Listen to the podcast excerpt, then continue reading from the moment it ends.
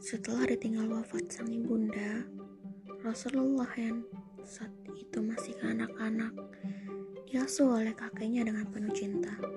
Namun hal ini tidak berlangsung lama. Pada usia 8 tahun Abdul Muthalib wafat. Seakan-akan ada tambahan kebijaksanaan hidup untuk Nabi Muhammad kala itu.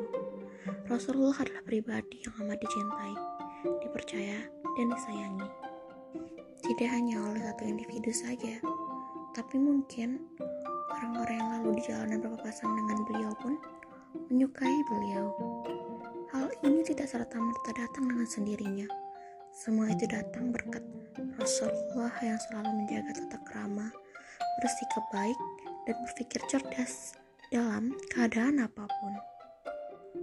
Begitu pula dengan perlakuan Abu Talib sang paman kepadanya.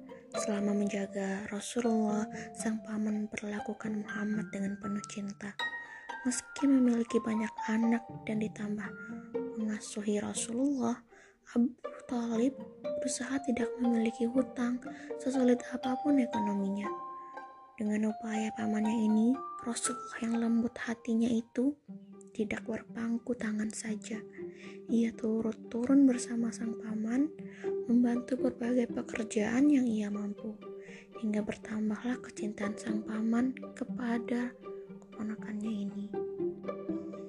Pernah suatu hari saat hendak pergi berdagang, Rasulullah yang masih kecil saat itu merasa akan ditinggal oleh satu-satunya orang yang mungkin bisa ia andalkan.